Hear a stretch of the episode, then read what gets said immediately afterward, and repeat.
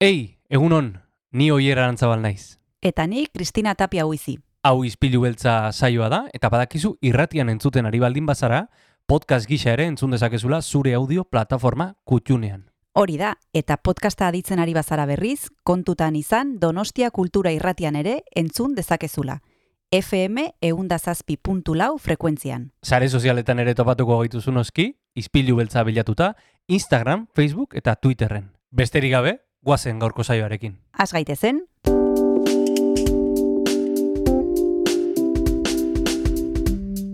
Ispilu beltza. Donostiako kulturaren berri, Oyer Arantzabal eta Kristina Tapia buizirekin. Egun honen zule ostirala da, asteko azken eguna eta gu hemen gaude txintxo txintxo izpilu beltzarekin asteko Donostia Kultura Irratia. Donostia Kultura Irratia eta Kristina eta Biok hemen eh, dantzan. dantza bai ostirala delako, ez da? Hori da, ospatu behar da, beste aste bat.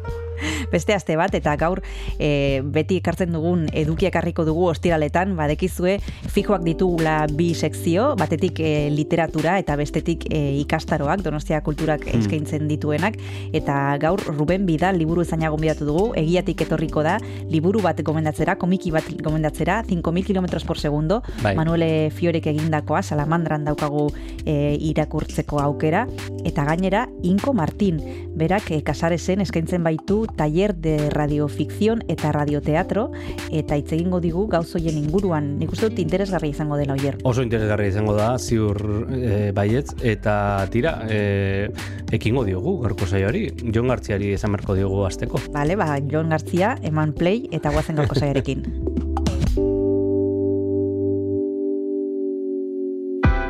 Egun hon eta ostiralon entzule, guazen ostiralak gogoz astera, Special Interest izeneko taldearen abesti batekin, Miki Blancoren kolaborazioarekin, eta hau da Midnight Legend izeneko kantua.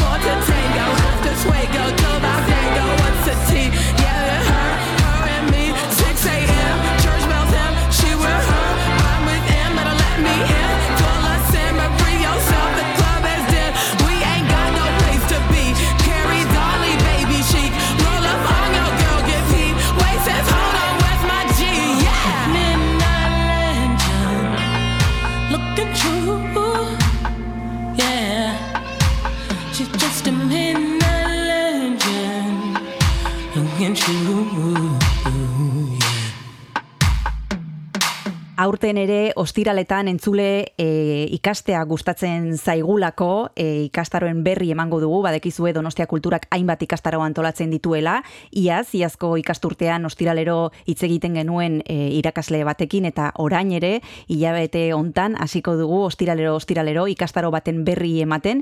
Eta gaur berriro daukagu gurekin Inko Martin, e, berak irratigintzari buruz e, ikastaro bat e, ematen duenez, e, hemen izango dugu horren berri emateko. Nico, ¿qué tal estás? ¿qué tal? Muy bien. Bueno, el año pasado, el curso pasado, mejor dicho, ya hablamos contigo, pero por si alguien no nos escuchó en aquel momento, vamos a volver a hablar del curso, de los cursos que se ofrecen en Donostia Cultura y en este caso del que ofreces eh, tú. ¿Qué vamos a, a, poder aprender contigo en esta ocasión? Cuéntanos. Eh, bueno, pues el curso, al igual que el año pasado, ya desde hace bastantes años, va sobre ficción sonora, radioteatro, mezclados un poco.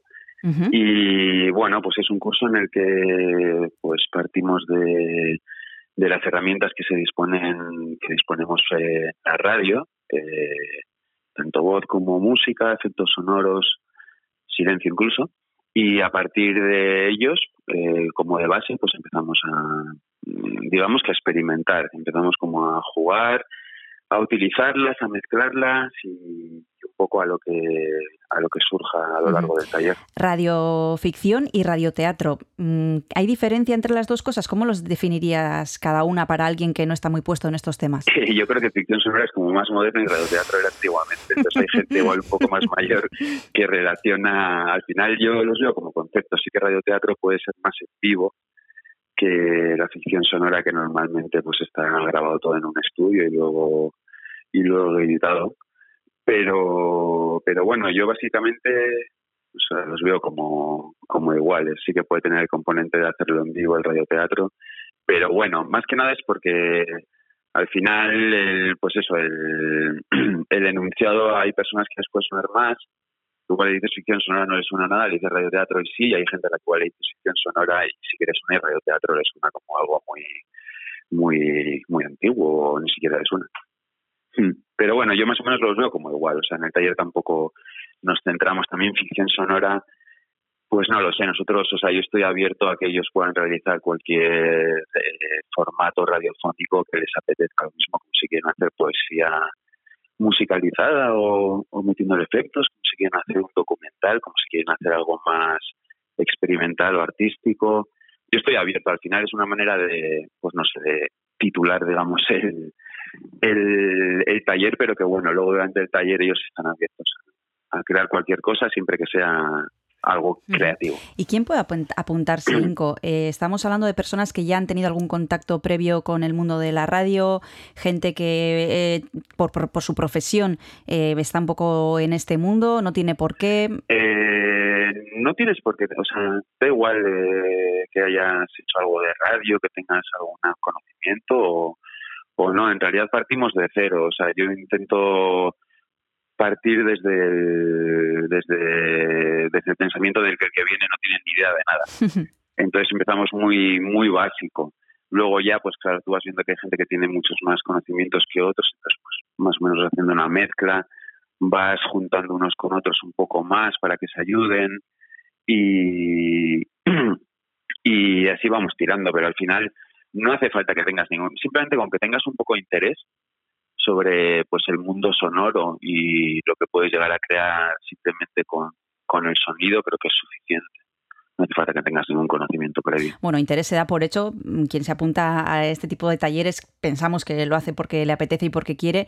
El perfil de los que ya van, ¿tienes un grupo de fieles? Eh, ¿Cambia cada año? ¿Hay gente que se apunta una y otra vez? Eh, ¿cómo, ¿cómo, son quienes no, ya asisten? En realidad cada año son diferentes. Sí que ha habido algunas personas que han repetido porque les gustó bastante el anterior, igual pues quieren volver a hacerlo, pero ya con un poco más de base. Pero normalmente cambia cada año, además es como súper, eh, no sé, es como muy variado. Al final te puede aparecer gente como muy joven, igual imagínate, una actriz, un actor, pues que le ha interesado por el lado más en vivo de, del formato este, como te pueden aparecer pues unos jubilados que simplemente les gusta leer poesía y han pensado, oye, pues igual podemos hacer como una especie de, de podcast, digamos, de, sobre poesía y puede ser un buen lugar para aprender a, hacerlo. Entonces es súper variado. Hay veces que, sí que hay veces que ha sido como muy homogéneo, que de repente dices, ostras, todo gente bastante mayor, pero lo normal es que haya una mezcolanza brutal de edades, de géneros, de, todo. Ahora mismo vamos a seguir hablando del taller de radioficción y radioteatro que imparte Inco Martín en Donostia Cultura, pero nos vamos a tomar un descanso y como sabes, Inco, a los invitados les pedimos que nos pinchen una canción, algo que les apetezca escuchar y compartir con los oyentes. ¿Qué se te ocurre? Vamos con una tranquilita, con una más movidita, para el café. ¿Qué prefieres? Eh, pues primero la movida, venga. La movida, pues vamos a poner una de, de Cure uh -huh. que se llama Three Imaginary Boys. Uh -huh. Perfecto, pues vamos a escuchar a The Cure.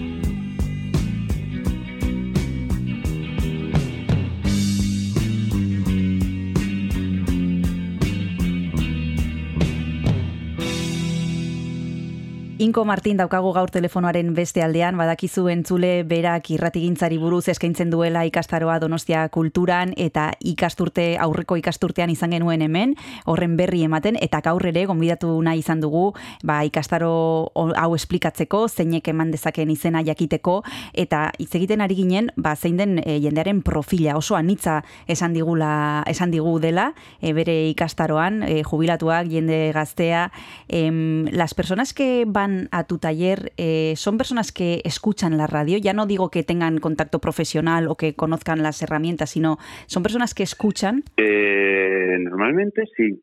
También hay, hombre, sí que hay muchos que también escuchan podcast, que ya no escuchan la radio, digamos, como antiguamente que te levantas a la mañana y la enciendes y la tienes ahí, ¿no? Eh, sí que van igual a contenidos más, más eh, exactos, digamos, o buscan una cosa concreta. Pero normalmente sí, lo que sobre todo suele ser es que es gente muy interesada en, tanto en, radio, en el medio sonoro, como en, en, cine, o sea, que tienen un interés cultural en cine, en literatura, en, en teatro. Entonces sí que suelen tener como, no sé, como una cultura así bastante interesante, o por lo menos como inquietudes culturales eh, bastante pronunciadas, digamos.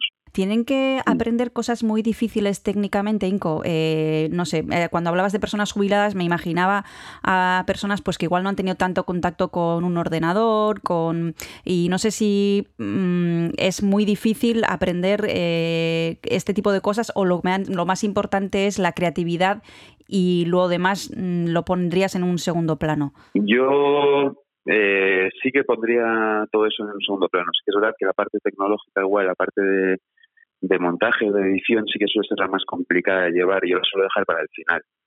Porque prefiero que más o menos hago como un proceso como si estuvieses haciendo una pieza de radio al final. Eh, parto desde un guion, entonces nosotros vamos experimentando con diferentes textos y así, viendo un poco cómo son, los analizamos, tal. Entonces luego ellos ya pasarían un poco a escribir lo que ellos quieren o a coger un texto simplemente y utilizarlo como guion. Y luego, que eso claro lo puede hacer cualquier persona, no hace falta que tengas ningún conocimiento tecnológico ni nada. Y luego sí que pasamos igual a... Todo esto lo vamos haciendo en base a ejercicios, ¿eh? teoría bastante poca suelo darles, la verdad. y, y luego pues sí jugamos con la voz, jugamos con maneras de locutar, luego ya les enseño más o menos cómo se hace la grabación, les enseño cómo entran las pistas, cómo entran las voces, y luego ya jugamos con las músicas, con, con qué nos puede aportar una música, poniéndola en un momento, en otra, o un silencio, a los efectos sonoros también, intentamos hacer algunos allí en vivo, a modo de foley, para que vean también cómo se puede hacer pues un efecto sonoro sin tener que utilizar un, ordenador y, de, buscar en una biblioteca o en un archivo de, de, sonido, de sonidos. Y luego ya la última parte, que suele ser como el final del taller, yo sí que les propongo por grupos hacer pues un par o tres piezas donde la gente calla. Entonces yo les separo por grupos. Y claro, la parte tecnológica se la explico muy básico, porque sé que tampoco puedes llegar muy allá, muy, muy lejos. Y al juntar los grupos siempre me suelo fijar que haya una variedad de edades y de conocimientos tecnológicos. Entonces, pues igual va tirando más del carro uno, pero el resto sí que va viendo cómo avanza. Y luego yo lo que les invito es a que en su casa ellos vayan practicando, pues por ejemplo con el Audacity, con algún programa sencillo, y que simplemente vayan montando una pista de voz con una de música, vayan haciendo unas ráfagas, y eso al final es práctica y práctica. En el taller tiene una duración de 20 horas y es eh, imposible que tú cojas un, eh, un conocimiento de edición muy, muy grande. Al final es lo que tú trabajes en tu casa, ¿no? o lo que tú pongas de tu parte, pero ya fuera del taller. Digamos que yo les doy como unas nociones básicas y luego practica. Pero sí que para mí al final les digo, esto es practicar y practicar. Esto si tenéis tiempo bien, si no, pues no pasa nada. La cosa es que se os ocurran cosas, que os vengan cosas a la mente que, que os creen una ilusión o unas ganas de luego pasar al resto de fases y ya explorar más y, y coger una experiencia. Uh -huh. Hablaba Cinco de otro elemento importante cuando hablamos de, del mundo sonoro y es la voz.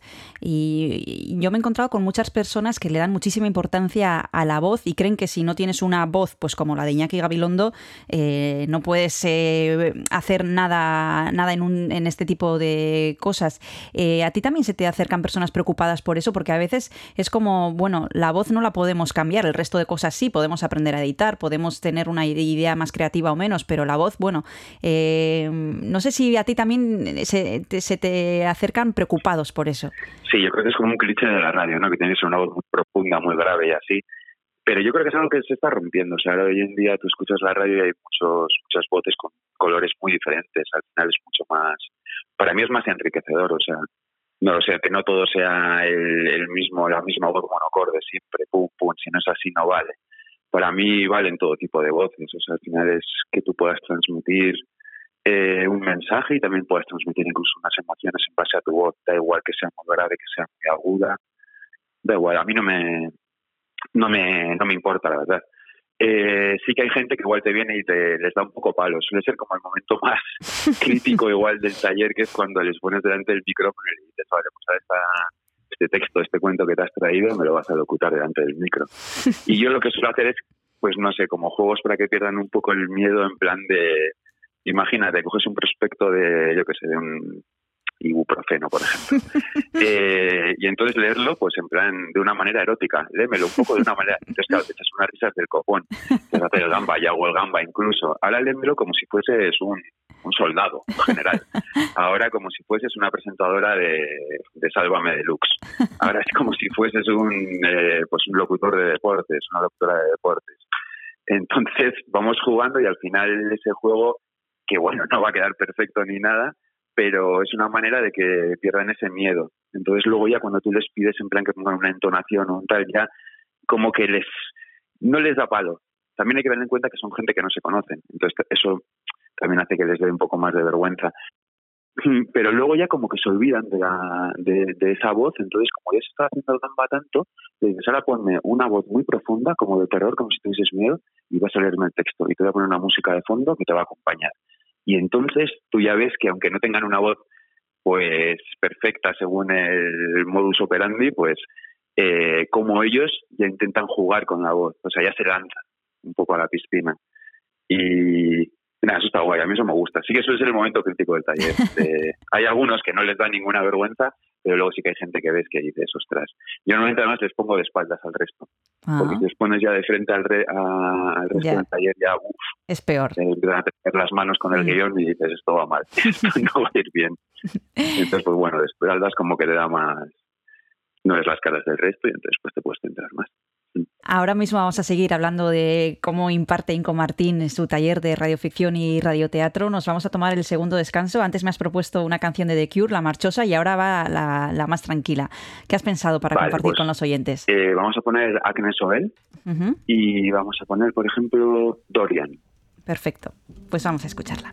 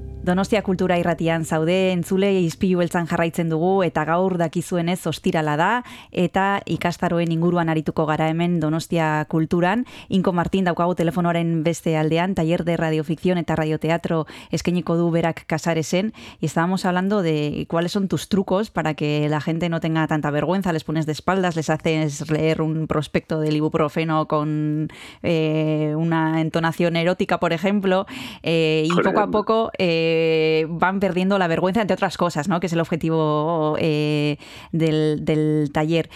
Al final del curso, eh, no sé si hay historias que se repiten, ¿no? Por ejemplo, has mencionado, pues, yo qué sé, poesía, eh, historias eh, que ellos tienen en su cabeza. ¿Qué tipo de historias suelen ir saliendo habitualmente o son todas diferentes? Normalmente la gente sí que tira más a ficción, a ficciones. Y yo les suelo pedir que no se compliquen mucho. O sea, para mí al final eh, prefiero que hagan una cosa muy corta y sencilla a que se líen la manta con una historia de, pues, imagínate, cinco, cinco secuencias diferentes, cinco escenarios diferentes, que al final es súper complicado luego de montaje. Entonces les digo, creo que puedes contar lo mismo en un solo escenario en vez de en cinco y va a ser mucho más fácil. Al final, si luego lo quieres hacer en tu tiempo libre o cuando quieras, pues sí que vas a tener tiempo, pero en el taller yo siempre les digo, o sea, una buena idea no tiene que ser, o sea, no, no tiene por qué ser muy larga, ¿sabes? O sea, en un, en un simple, imagínate, bajar a la playa y tirar la toalla en la arena, puede haber una historia. Y es muy corta, o sea, es, es nada. Entonces, sí que les invito a que hagan cosas más, más pequeñas, digamos, más simples, más sencillas, que no se llenen la manta. Luego, al final, mucha gente se lía la manta muchísimo y empiezas ya a ver los guiones y entonces sacas la podadora y le dices fuera, fuera, fuera, fuera, fuera, porque es que sé que no, va, no te va a dar tiempo que lo hagas. O sea, y va a ser demasiado complicado para las nociones que, que has cogido en el, en el taller. Más adelante, si tú practicas y tal, pues sí que te puedes enfrentar a una historia como esa. Pero en el taller, yo eso, lo más sencillo. Luego, en cuanto a, a historias y géneros y así, ahí, por ejemplo, sí que suelo ver mucho eh, con edades. Siempre, no sé, no sé es, curioso, pero las edades igual, la gente más mayor siempre tiende a hacer como historias bastante tristes y casi siempre son como diálogos entre dos personas. Y, y sí, suelen ser como más, no sé, más profundo, triste o como muy, muy dialogado. Luego, la gente más joven sí que tiende a, pues puede ser desde ciencia ficción hasta movida eh, rollo thriller o cosas así. Sí que tienen como unos géneros igual más variados. Yo creo que es también mucho por influencia de, pues de las series y de, películas y así, no lo sé. Pero bueno, sí suele ser interesante, yo siempre les digo. Luego también hay gente que de repente tiene guion súper experimental. mí me parece muy... O sea, yo siempre les invito a eso, que hagan, a que hagan alguna locura. O sea, que no hagan algo típico, pues eso, una conversación sin más, no. Haz una, una cosa que sea loca, o sea, que sea, si da igual, estamos para jugar, para experimentar, o sea, esto no va a ir a, no va a ir a ningún concurso ni nada así, o sea, ya bueno, que luego se emiten en, en Donostia Ratia, pero, pero bueno, que, que eso, que jueguen, o sea, que es el momento para que hagan algo experimental, o sea, algo que sea extraño, nadie les está pidiendo algo ni les está poniendo unas condiciones, ¿no? Entonces sí que hay gente que de repente te trae algo así y dices, ole, esto sí mola, porque esto es muy diferente. Hablabas antes, Cinco, de que hay veces que tienes que sacar la podadora porque la gente se extiende más de lo que eh, debiera. Y yo no sé si una de las dificultades también es que cuando uno escribe en el papel, pues parece que mm, se puede hacer un poco casi de todo, ¿no? Y, al- y el papel lo aguanta todo, pero luego eh, no estamos acostumbrados a pensar en, en- en el modo sonoro. Y hay cosas que en el papel funcionan, pero que luego no funcionan en la radio. Y dar ese salto también eh, es difícil. Pasa mucho con las imágenes y con acciones, porque sí que hay imágenes que, claro, tú al final esas imágenes tener que, vas a tener que conseguir que el oyente o oyente lo imagine en su cabeza, cree esa imagen. Eso en el papel queda muy fácil que tú lo escribas, pero es eso, que luego sonoramente busca la manera de que esa imagen llegue al, a la imaginación del que, del que lo va a escuchar. Entonces yo suelo decir, o sea, esa imagen, cuéntame en base a qué sonidos tú la vas a reproducir, porque hay veces que es prácticamente imposible, o sea, o tú lo narras directamente, que yo siempre les invito a que no lo narren, o sea, prefiero que algo se cuente en base a tres sonidos a que el protagonista me diga dónde está y qué está haciendo. No, ponme un par de sonidos y yo ya interpretaré. Pero claro, eso es difícil conseguirlo y hay que, al final tenemos como un- una manera de escribir muy visual. Y claro, con, con, el, con el medio sonoro es lo que pasa, que es que esa manera visual la tienes que traducir en sonidos. Y hay veces que no hay sonidos, hay cosas que no tienen un sonido identificable. Una pistola sí, por ejemplo, pero hay cosas que dices, ¿cómo suena esto? O sea, no tengo ni idea de cómo suena. Entonces, prácticamente te lo tienes que inventar. Entonces, eh, sí que hay muchas veces que yo les digo, eh, esto no, o sea, es, es prácticamente, es muy complicado que lo hagas. O sea, casi que que vas a, a pasar todo el tiempo que vas a tener para hacer esta pieza en discurrir cómo vas a contar esta, esta escena o este momento de la, de la historia. Entonces sí es difícil. Yo luego también, yo, o sea, a mí mismo a veces eh, también solo tengo que podarme, porque hay veces que, por ejemplo, en diálogos y así, que tú dices, eh, a ver, o sea, tengo, eh, yo qué sé, 10 frases, creo que en una lo puedes contar. Eso suele ocurrir mucho, que la gente dices, ostras, hay demasiado diálogo. En serio, o sea, ¿qué es lo, qué es lo importante? Esto, vale, pues quita esta frase, esta, esta, esta y esta, que son súper bonitas, ¿eh? O sea, tienen, vamos, una, es un- una movida filosófica del copón, o sea, es una pedazo frase de la leche, pero no dice nada, es paja. O sea, en realidad la otra, que es súper seca y contundente, cuenta todo lo que las otras ocho frases dicen. ¿Así? Y sí, hay veces que escribimos y dices, ¡guau! ¿Cómo me ha quedado este diálogo? Y dices, ya, esta frase sobra, esta sobra, esta sobra y esta sobra. O sea, en realidad quieres contar esto, en una lo has contado.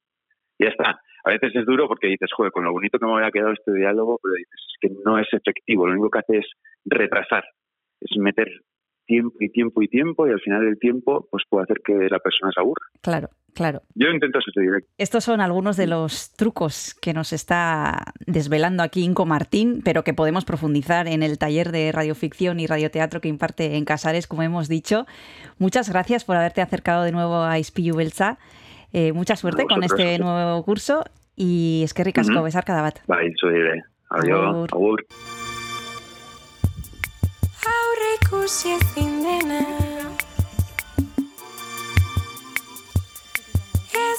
Da erresa topatzen Da ostutakoa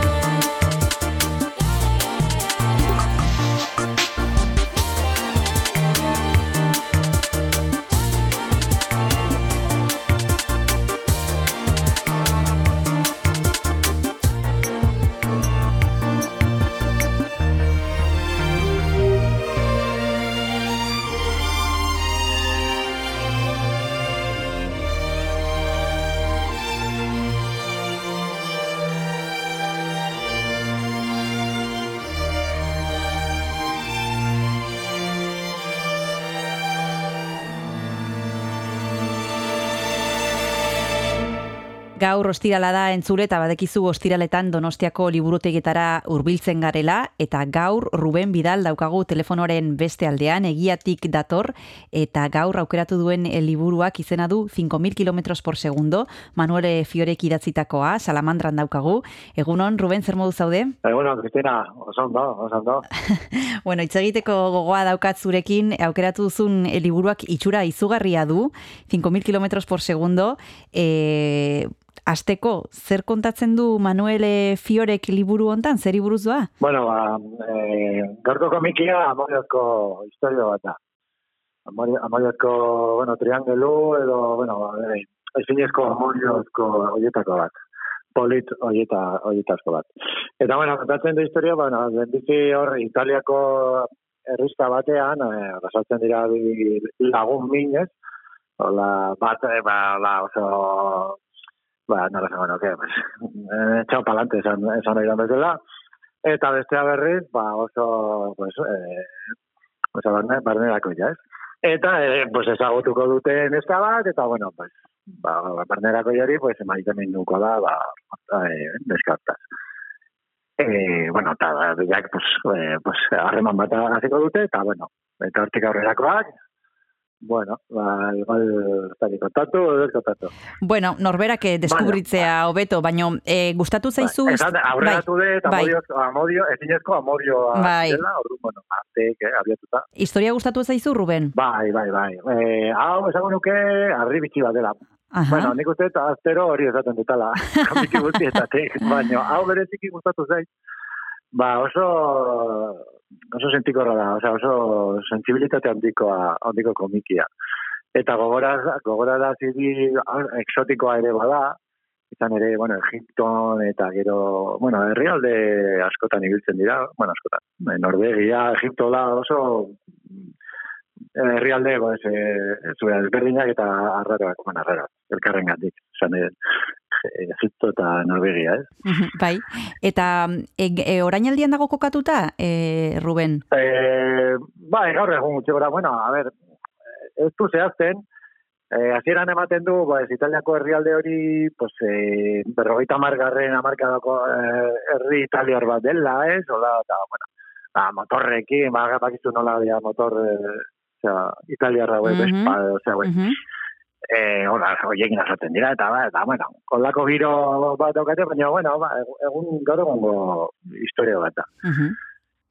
Piero eta Lucia dira protagonistak, e, bueno, maite mintzen dira, baino bakoitzak bere bidea egiteko ere e, asmoa du, eta, eta bueno, hor ikusiko dugu zer gertatzen den Rubenek ez digu gehiagik kontatu nahi. E, guazen hitz egitera, e, Ruben, marrazkien inguruan, esan duzu arribitxi bat dela, aipatu behar dugu liburu honek e, e, Fobet Oral e, angulemako jaialdian e, irabazi zuela Hori. eta bai. eta izugarrizko kritika onak e, jaso dituela. E, da.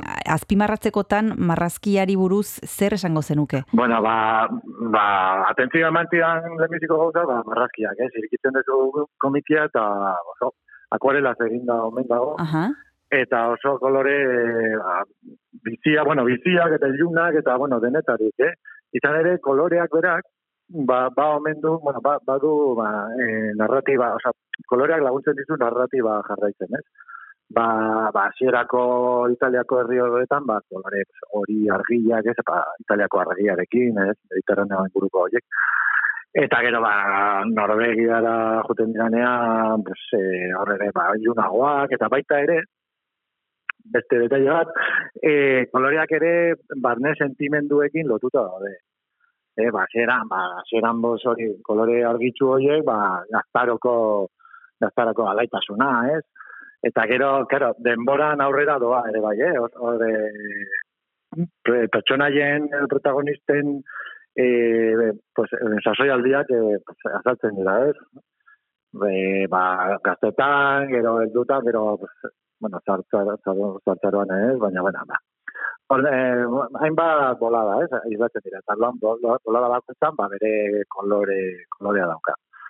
Eta gero baita ere, pues, hori Egipton adibidez, Egiptora ere, Egipto azaltzen da, eta hor ere beste kolore mota bat, baina beste sentipen batzuk ere dituzte pertsonaiek, eta ba, orduan oso lotuta dago. Eta orduan, ba, ba, horrek eh, ematen dio komikiari, pues, eh, ondoko sakontasuna, eh? Mhm, mhm. Oraintxe bertan hitz egingo dugu gehiago 5.000 km por segundo komikiaren inguruan, Ruben, baina tarte bat hartu behar dugu eta badekizu hortarako abesti bat eskatu behar dizudala, entzulekin partekatzeko abesti bat eskatu behar dizut, ze pentsatu duzu tarte hontarako? Bueno, eh, komiki honek ekarri diteko gora, pues, eh, pues, eh, pelikulak eta bar, ez? Adibidez, eh, ba, bururatu zait, de, de Sheltering Sky, el cielo protector, Bernardo Bertolucciren pelikula ba, ezagutuko dizue, eta bertan, ba, Ryuichi Sakamoto, gerituen, ba, ze, banda, banda sonora eta, pues, eh, pues, ba, hori, Primeran. eh, gustatuko liteke, Bagoazen entzutera Sakamotoren soinu banda.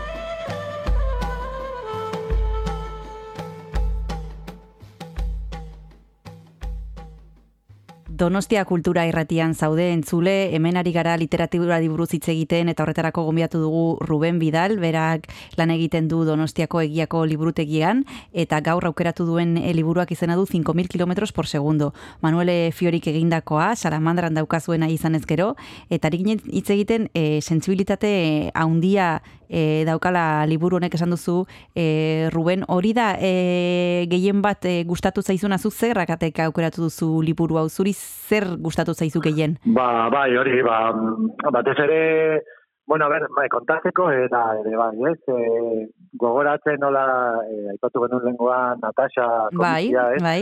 eta almando zen nola egiten du, bueno, eta pruebak, e, nola aukeratu duten, ba, tempo, la, ba, lasaia, eta hitz gutxikoa, eta bar, gogoratzen, ez?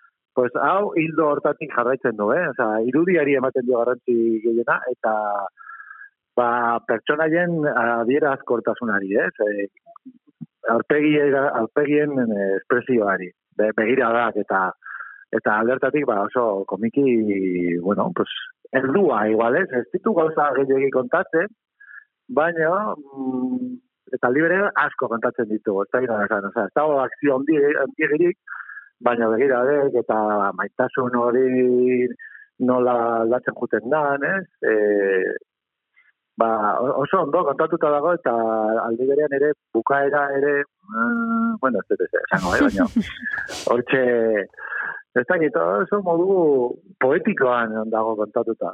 Bai, hor, horrek gustatu, horrek gustatu zait ikaragarri, Mhm. bai, bai, bai. Zuk eh, komiki mordoa irakurtzen dituzu Ruben, izugarrizko esperientzia daukazu, eta hemen irakurtzen ari naiz, eh, kritiko batzuk esaten dutela, adibidez, eh, irakurtzen ari naiz, eh, Televisión Españolako Jesus Jiménezek esaten duela una maravilla visual con la que el artista alcanza nuevas cotas de maestría. Sin duda, uno de los tebeos más interesantes de los últimos años, un auténtico deleite para los sentidos y una de las historias de amor más bellas que ha dado el mundo del cómic. Ostras, hau irakurri dut, eta ez dakit, e, gehiegi ote den, baina zuk hainbeste irakurri ondoren, e, ados zaude horrekin, hainbesterako da, edo, bueno, ez dakit, e, Bueno. zuk jakingo duzu. Ez dakit, ba, ez dakit, horren beste esatea, ba, asko esatea da, ez dakit, e, hola, modiozko komikiak egia esan, ez ditut ezagutzen eh, horren beste. Mm, baina asko esatea da, ez dakit, eh, ba, baina, bueno, esate, esate dizut, eh, oso polita da, eta oso, bari, sentio dertasun handikoa. Bai, nola bait, bai, no segon nitzake, baina, bueno, eh, esageratu gabe, ez dakit.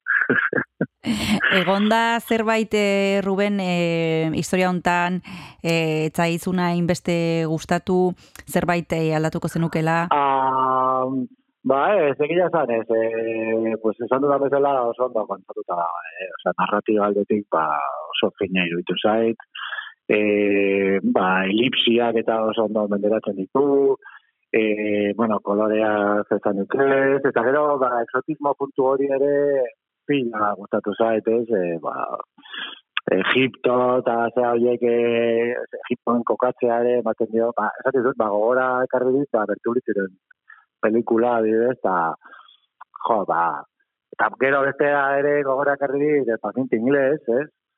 Eh, hori ere oso exotikoa eta zinezko amodio horiek, ai, usten zaituela hola oso, ba, pues hori begian zerbait sartzen zaituenean bezala. Eta, ba, niretzat komikia, ba, ba esati zute ez ez, ez ez deskubritzen, ba, zuke aipatu bezala, ba, ba, sari potolo bat ematen. bai, bai. Eta, baina, bueno, nik eh, egia esan, mm, konturatu gabe deskubritu no, ba, hartu no nola, zin izan begiratzen liburutegian, da, jo, ba, koloreagatik, ez, Ah. ah. hartu iriki, eta, baina, ez, ez, polita, eta, Hmm. eta gero ja, ez, eh, hori investigatzen da, da, eta, sari bat, eta gutxondo. Mm. Eta, eta hori, hori, Aipatu duzu, Ruben, eh, aipatu dituzu beste bi referentzia, Bertolucci, El paciente inglés, eh, irakurtzen duzunean zerbait gero balio dizu eh, beste lekuetara joateko, hau da, errepasatzeko pelikularen bat, edo burura tortzen zaizun beste libururen bat, egiten duzu salto eh, liburu batetik eh, pelikula batera, edo beste liburu batera, eta... bai, bai, bai, bai, bai, hori, mm, gehienetan esango nuke, bai. Azkenean artelan guztiak elkarrekin lotuta daude, eta batak besteara eramaten ditu, eramaten zaitu, eta hori, da, polita ere, bai, ez? Eta esate dizur, bai, irakurtzerakoan, ba, horiek ekarri zizkian gogora, eta, bai, gero baita ere, jo, gogoratu nintzen ere, doktor Zibagorekin, Mm. zer Mhm. pelikula. Beste, Bai, hola, pues, amodiozko, amodiozko horiek, ez? Ba, azkenean eh, politena dira, jo, ezinezko amodioak, ze... eta ba, gauza bera.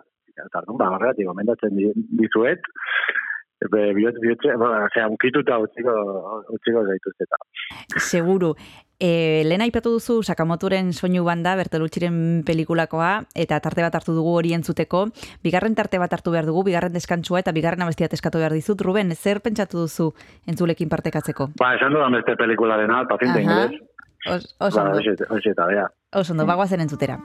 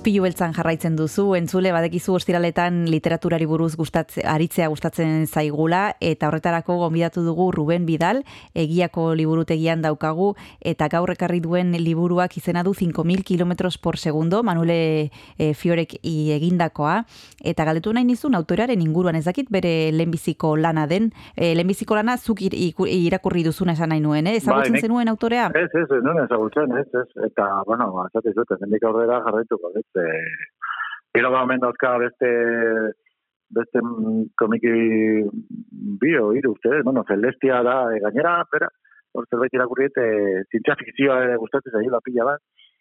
Eta gila da, komiki honetan, e, naiz eta ez dauka zer ikusirik, eh, e, zientzia fikzioarekin, baina bai, kutu txiki bat badauka. Eta irakurtzen dezunean, e, segituan ikusiko duzu, eta esan geletuko zaten, no, eh, hau, nondik atera, baina, bueno, e, e, ez du zertan, e, zera, e, zeratzen, eh, komikiaren giroa, eta, eta, baina, hola, ba, ikutu bat, eta gero hortik abiatuta zen, ah, pues, ikusi nun, ba, ba, ba, hori, e, irakurri nun, ba, asko gustatzen zaio, eta bar, eta gero baita ere oso manga zalea. Ah, Bera berez, e, e, bere, bidez, arkitekto hemen, bueno, orain komikilaria, baina arkitekto ikasketa dauzka, eta gero baita ere sartzen ditu, bueno, ni komiki honetan ez naiz fijatu eh? baina pues ba, eraikuntzak, ez, e, bera, pues hori, arkitekto izanei, ba, eraikuntzak eta hortxe jartzen ditu, pues, e, nonbait, e, ezagunak edo e, inspiratutakoak, ez? Honetan, ez dakit, hor eh, lantxo bat usten dizuet, ea aurkitzen duzuen zerbait, Bai. piramideak akaso, tokoak. Nik, eh, horre, osea, erretan ez naiz, ez naiz fijatu. mhm. Baina gero, jo, eta gero ere, eh, aipatu nahiko nuke, bai, esan. eh, gero dazkan, da, hemen, eh, osnarketa batzuk egiten ditu, Bai. oso, sakona, bueno, ne, eh, zer pentsatu eman dit, Bai, adibidez, eh, elkarrizketa batean, eh, karo, dago protagonista bat, ez, eh, osea, ba, mutila bueltak ematen buruari, ez daki, ez daki itzuli etxera, ez itzuli, eta, bueno. Eta bere nagusiak, ez, esaten dio, que, no, esaten, hemen irakurriko, ez, eh, Bai. no es una cuestión de libertad o felicidad, sino de tomar la decisión correcta. No es normal vivir lejos de casa. Abandonar el hogar no es la decisión correcta. Nunca seremos del todo de aquí, que también, paréntesis, en Egipto, Egipto Navarro. Eh, pero al marcharnos, también hemos dejado de pertenecer al lugar que dejamos atrás. Creemos ser libres, pero en verdad somos unos exiliados, unas almas extraviadas. Joder, eta esatez, jo, da, zer pentsatu ematen du. Eta hau lotuko nuke ez, e, egilea, ba, pixkate behar, ba, Berlinen, Parisen, eta ez dakit nun, bizi izan da, oza, ba, asko bidaiatu du, ez? Eta, bueno, bizi izan da herrialde askotan da. Eta algon hor, e, ba, islatzen du hor, deserrotze bat bezala, ez? E, etzea, azkenean, etzea, du, nungu azea, ez? Eta, ba, hori, kanpoan bizitzea merezi du, ez du merezi, bueno, Osa, merezi bai, baina gero, pues, igual, eh, alako batean, pues, ematen dizu herri mina, baina gero bueltatzen zeanean, eh, ba, eh, ba, zure herrian ere zerrotuta zode. Bueno, me, osatizu, sakona, de narices, eh? bai, bueno, E, deskubritu dugu zuri esker Manuel, Manuel Fior, eh, esan behar dugu Italiakoa dela, eta esan bezala eh, berak arkitektura ikasi izun, baina gero, zuk esan duzu, leku askotan bizi, bizi izan dela, eh, Berlinen, eh, uste dut orain Parisen bizi dela, beste komiki batzuk baditu, La Señorita Else, Rosso Oltremare, eta baita ere, eh, kolaboratu du, ba, egunkari batzukin eta revista batzukin, eh, The New Yorker, La República, adibidez hor egon zen eh, Alessandro Barikoren eh, zutabe bat ilustratzen, bueno, eh, badu munduan naiz eta gaztea den, mila beretzirun da irurogeita amabestekoa da, bueno, gaztea, niretzat bada gaztea, eh, eta eh, ba, pista jarraituko diogu, ez da, Ruen? Bai, bai, bai, bai. Bai, bai, Mhm. ziur, ziur, ziur, ziur, hau, artista, baina goiti berakoa, eh? Mhm. Ez no duke. Mhm. Mhm. Bueno, ba, hementxe utziko dugu, jarraituko diogu pista Manuele Fioreri, eta jarraituko diogu pista e, Ruben Bidali, ze seguru nago etorriko dela, e, e, datozen asteetan beste arribitxi batekin, berak esaten duen bezala. Eskerrik asko gaur 5.000 km por segundo ekartzeagatik izpilu beltzara. E, mila esker, Ba, eta hurrengora arte, Ruben, besarka da. Ba, beste bat zuretzak, Cristina. Aio. Jarraituko dut bilatzen arritxeak. Hori da, jarraituko Agur, dugu, agur. Agur.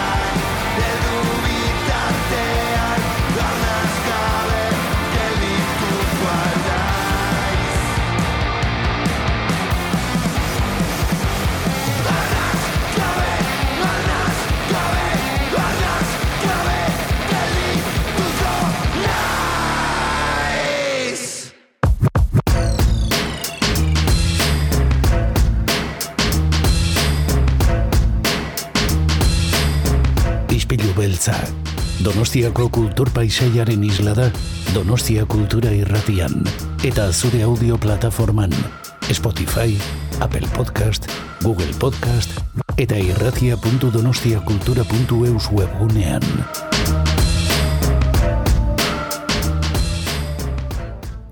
Inor begira izan da ere, berdin egin nahi nuke. Inor begira izan da ere,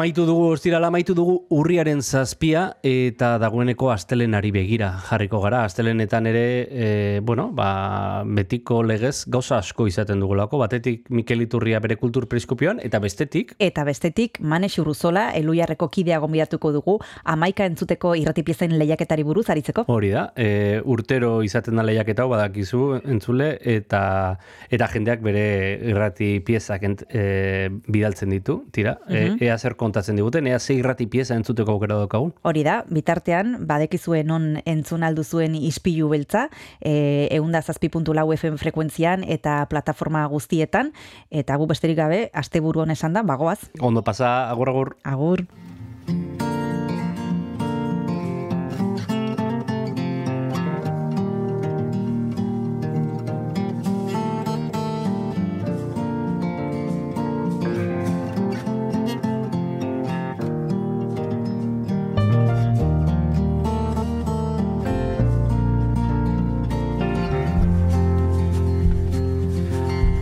This is how I tell it.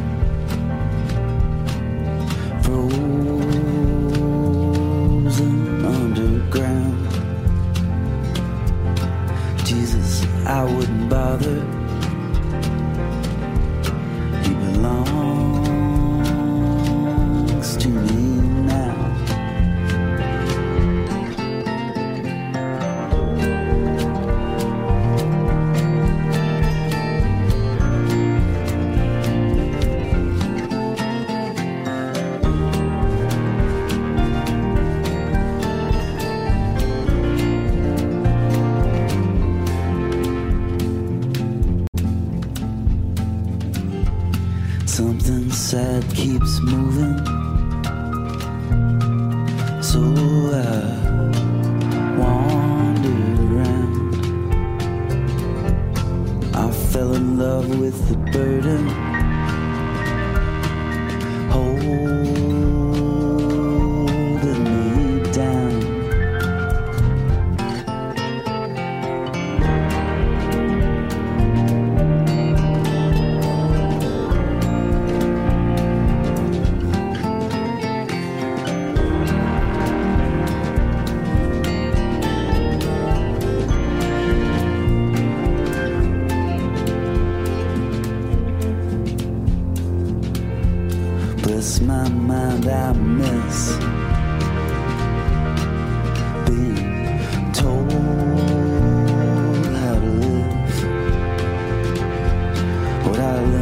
Without knowing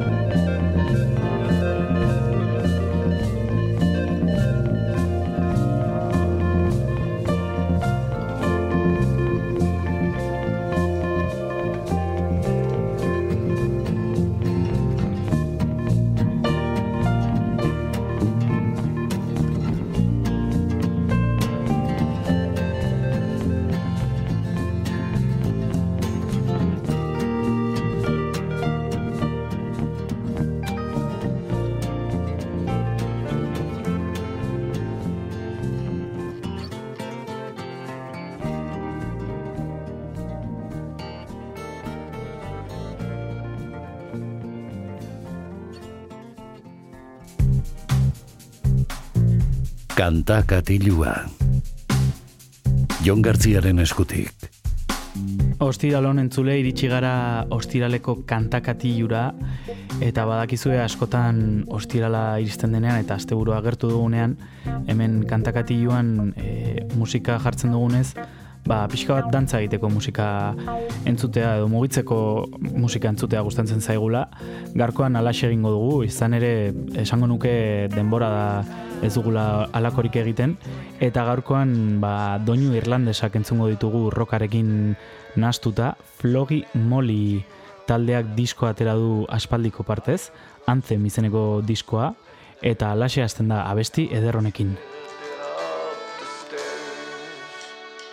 Through a sea of faceless bottles uh, and the stench of the afternoon, uh, I crawl into this coffin. Sure, I was dead before I knew. Uh,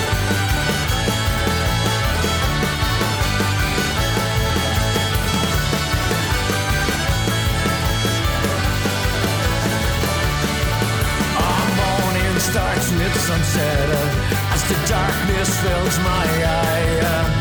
It's been so long since another soul occupied this life. So I head downstairs to a familiar friend uh, who comfort and maybe talk uh, about our roads less traveled uh, and to the best times we ever had. uh, And to the best times we ever had. uh, Oh, these times have got me drinking uh, as I'm tripping up the stairs to an empty room left haunted uh, by a ghost who once lived there.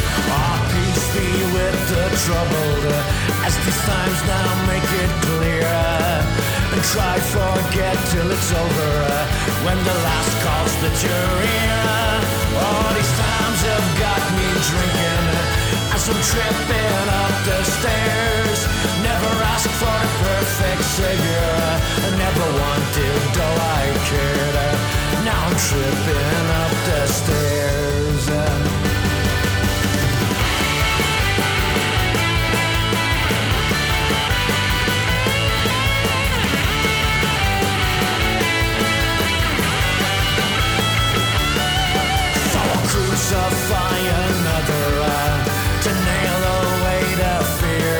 But don't pity me, I'm just broken. Who'll be the next brave volunteer? Who'll be the next brave volunteer?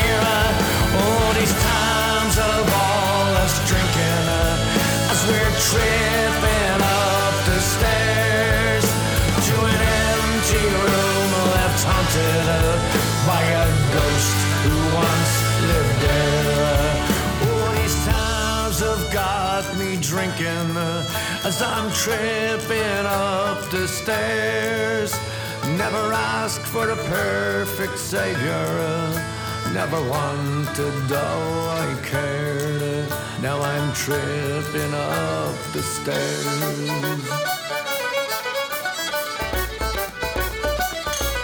Mind yourself.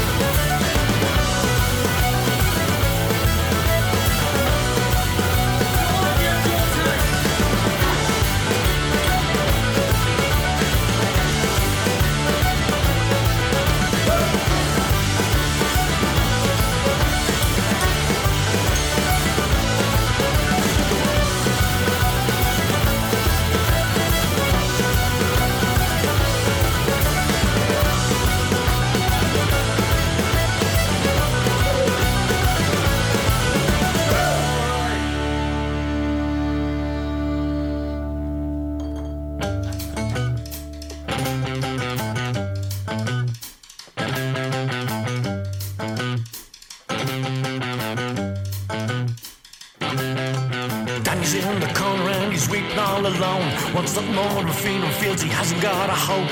But over on the north side, it's all about to hit. No one realizes what's about to happen here.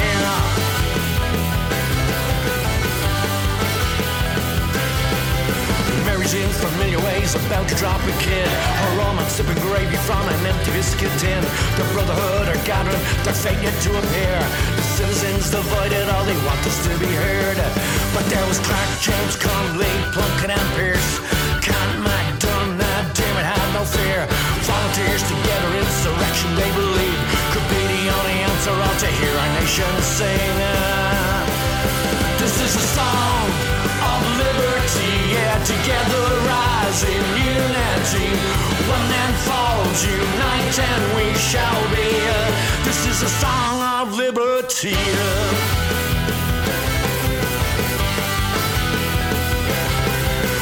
Casualties will mount out inside the GPO. There was nothing left but rubble with the burning candle smoke. Kumena may be waiting to fade against the wall. Execute their empty body, all you did was free our souls. This is a song of liberty, yeah, together rise in unity. One man falls, unite, and we shall be. uh, This is a song of liberty, uh, a song of liberty. uh, of liberty, a song of liberty. This is a song of liberty,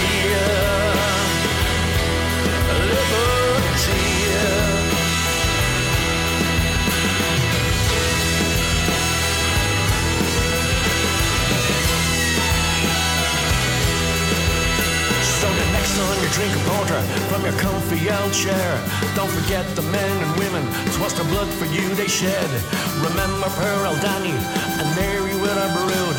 Don't take their life for granted, it was all they ever knew. But there was Clark, James, Conley, Plunkett, and Pierce. Can MacDonald, Dermot had no fear.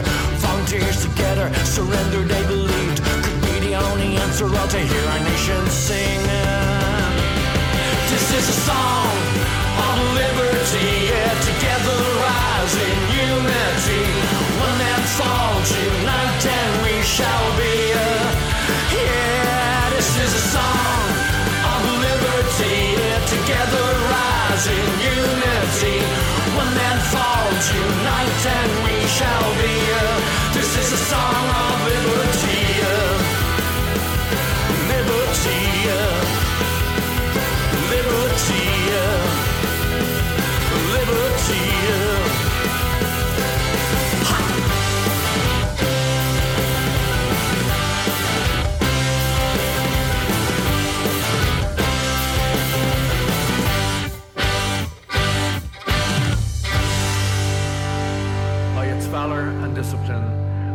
readiness of its children to sacrifice themselves for the common good.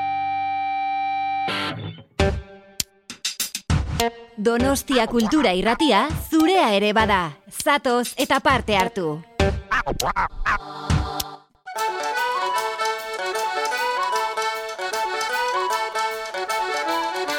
More's the plenty of a life just shy of empty as a nation drowns beneath a restless sky.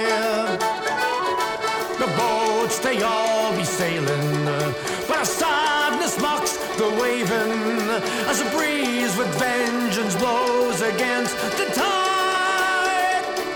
Back to the shore we love grows smaller in each side. And we all know where we're going, every sister, child, and brother. Not all of us who wander find the way. From County Wexford onward to Manchester and London, America looks further by the day. As life begins, it ends, but it never fails. With passing ships, we hunger.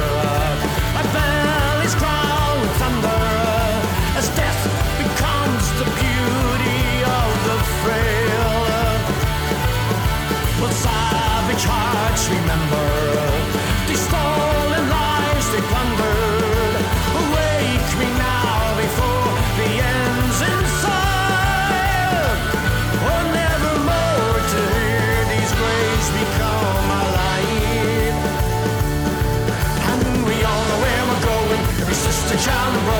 Not all of us who wander find the way. From County Wexford onward to Manchester and London, America looks further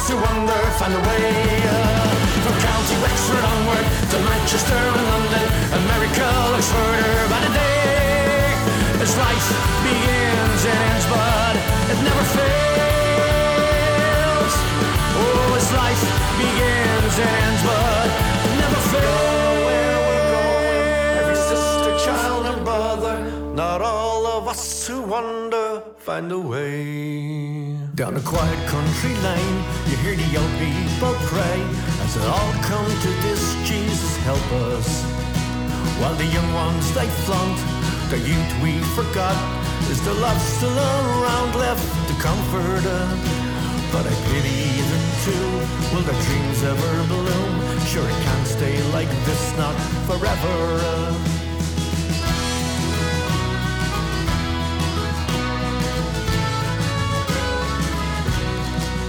While they search for a cure, until then we cocoon through this web of our lives we once flattered. From the idle dance halls where we all sang along, now the tunes that we sung sing to haunt us. And what I give for a pint, but there's no drop in sight as we all stand alone now together. As we all stand alone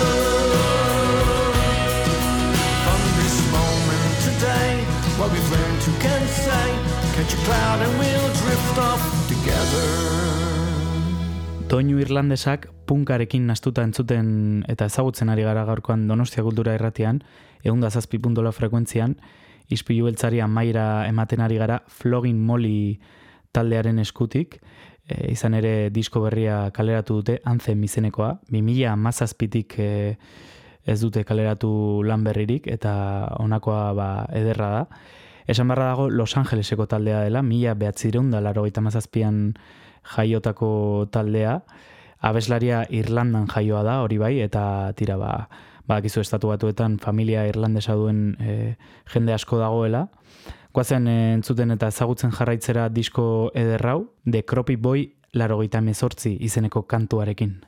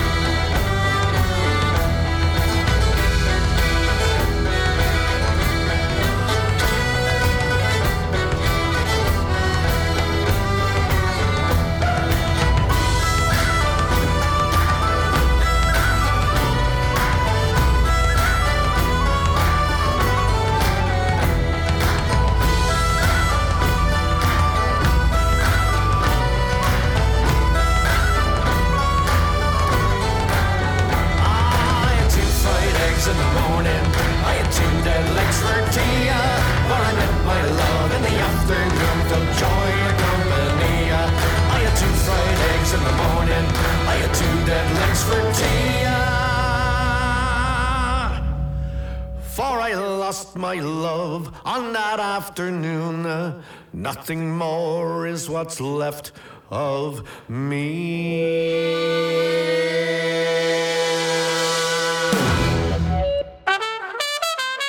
Donostia Kultura Irratia, eun eta zazpi puntu lau.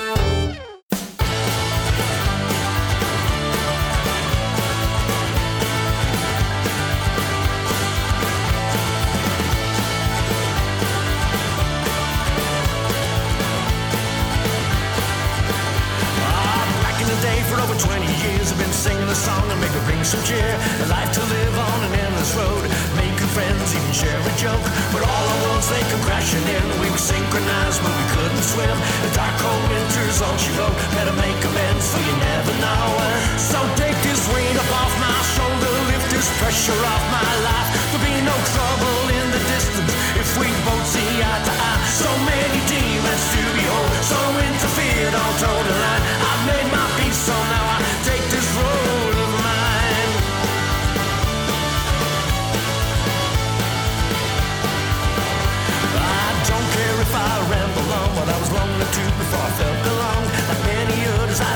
say. You better lift the lid, could be an early grave.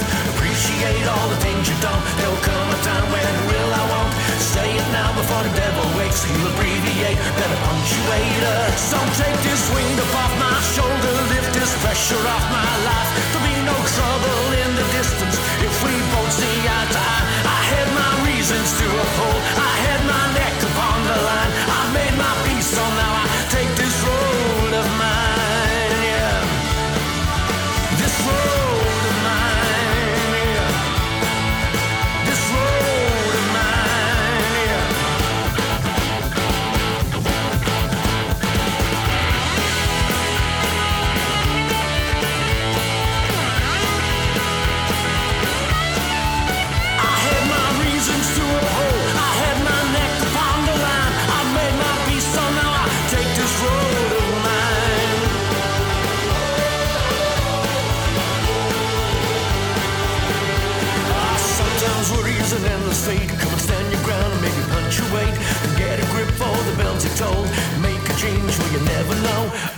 Appreciate all the things you don't. There will come a time when you will, I won't. And say it now before the devil wakes. He'll abbreviate, better punctuate. ah. So take this weight up off my shoulder, lift this pressure off my life. There'll be no trouble in the distance if we both see eye to eye. I had my reasons to uphold, I had my neck upon the line.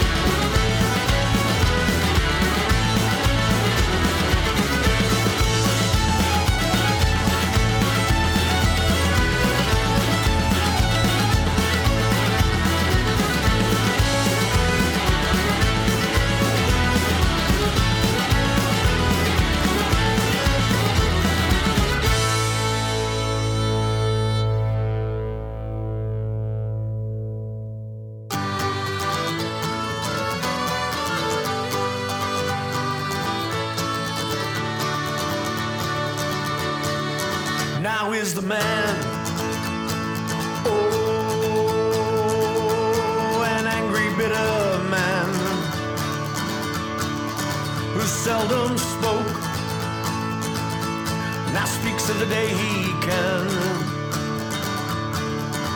Says he'll never come ashore again. The likes of you and me. But he's somewhere between the heavens and the deep blue sea. Now is the boy. Oh, a happy, cheerful boy. Why should he care? Why should he worry but enjoy?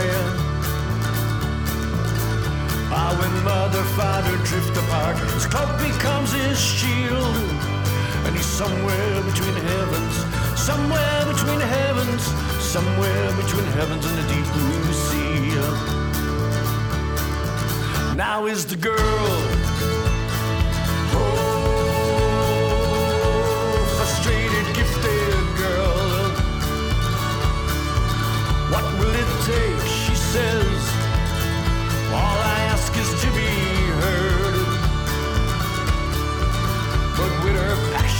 Comes believing. This moment she's now seasoned. All we are is now. Now is the time.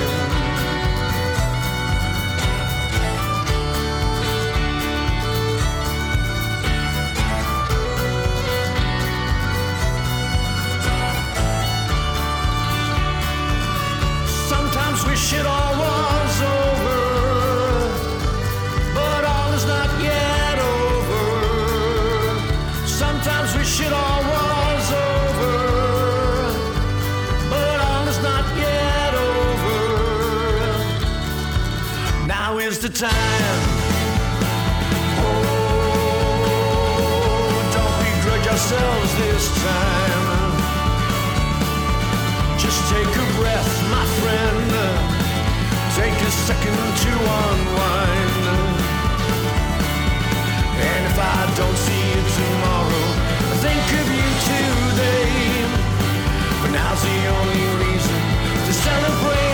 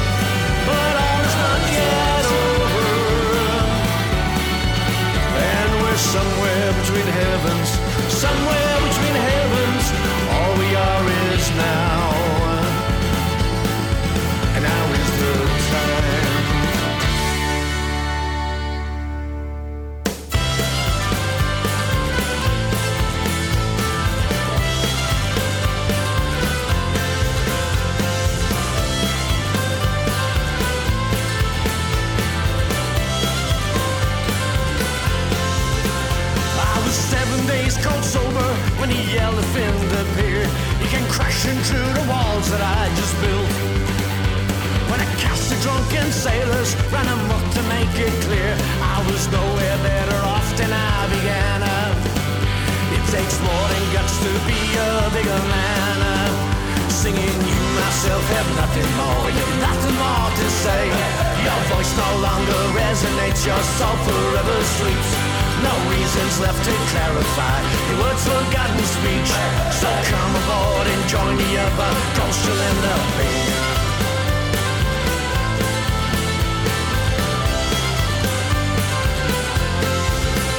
Down came Moses with his Ten Commandments, proud as punch could be, with some carvings built of stone for all to read but we didn't really understand. The message flow was fierce, so we drank another lifetime through the tears. I from that day forth we'd always live in fear. Singing you myself have nothing more, you've nothing more to say. Your voice no longer resonates, your soul forever sleeps. No reasons left to clarify your words forgotten speech. So come aboard and join the other ghosts you'll end up being. Sing it loud, sing it now, sing out what you are you found. There's no writing on the wall for all to see. Don't take your bow to the crowd. There's no reason to be proud. Don't take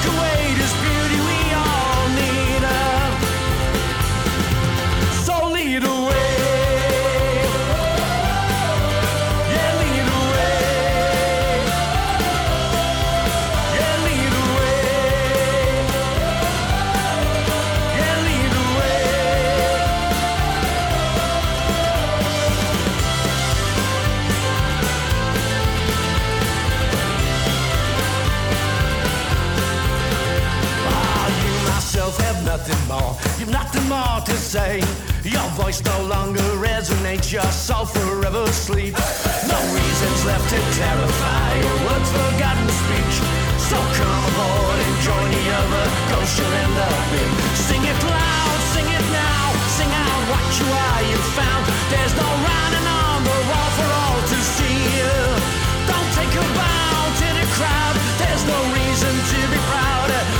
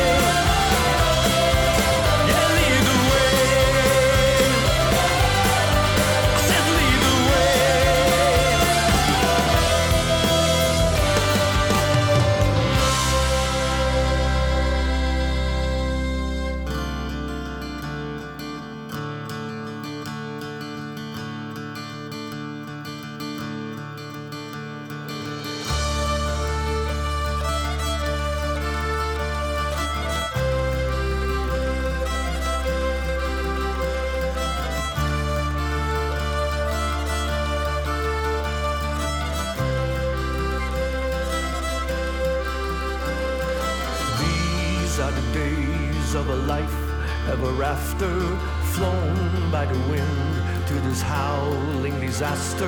From the heart of the sun, we were born, now we burn. These are the days. These are the days of a lost generation, scorned to be told empty words of frustration. The hand that deny. These are the days. These are the days when no mouth has the answer. Lies to be sworn with no proof, only chances. Headless were bound on this lost roundabout. These are the days. These are the days where the rhyme has no meaning. But no rain to believe in. Like an old lullaby, we still sing out of time. These are the days.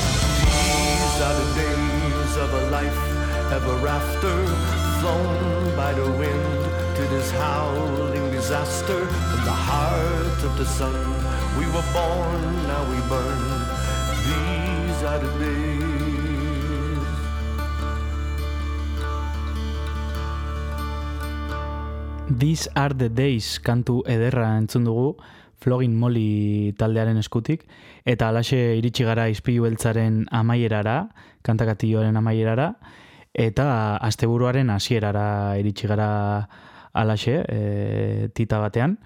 Azken abestia entzungo dugu Departing Wave izenekoa Flogin Molly taldearen anthem diskotik. Gaurkoan ezagutu dugu kantakatioan izpilu beltzari amaiera emateko eta gu astelenean bueltan izango gara, beraz, asteburuan eta astelener arte.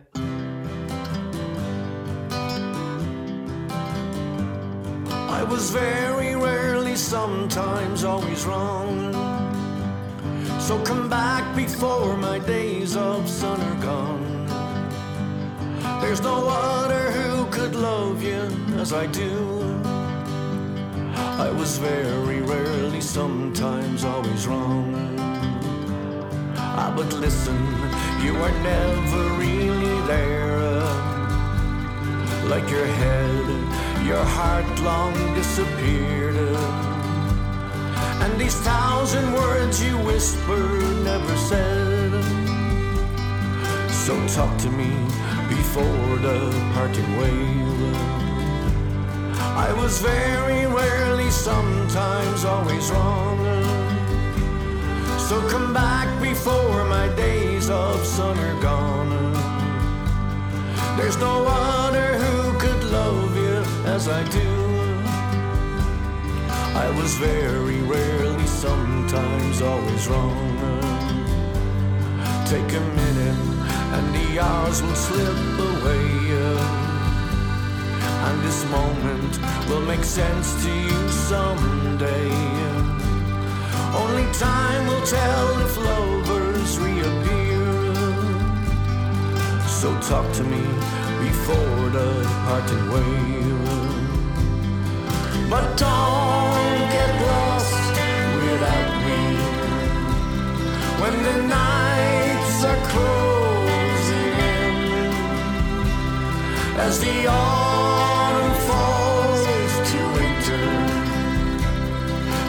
darkness finds its way. Wake me up on a final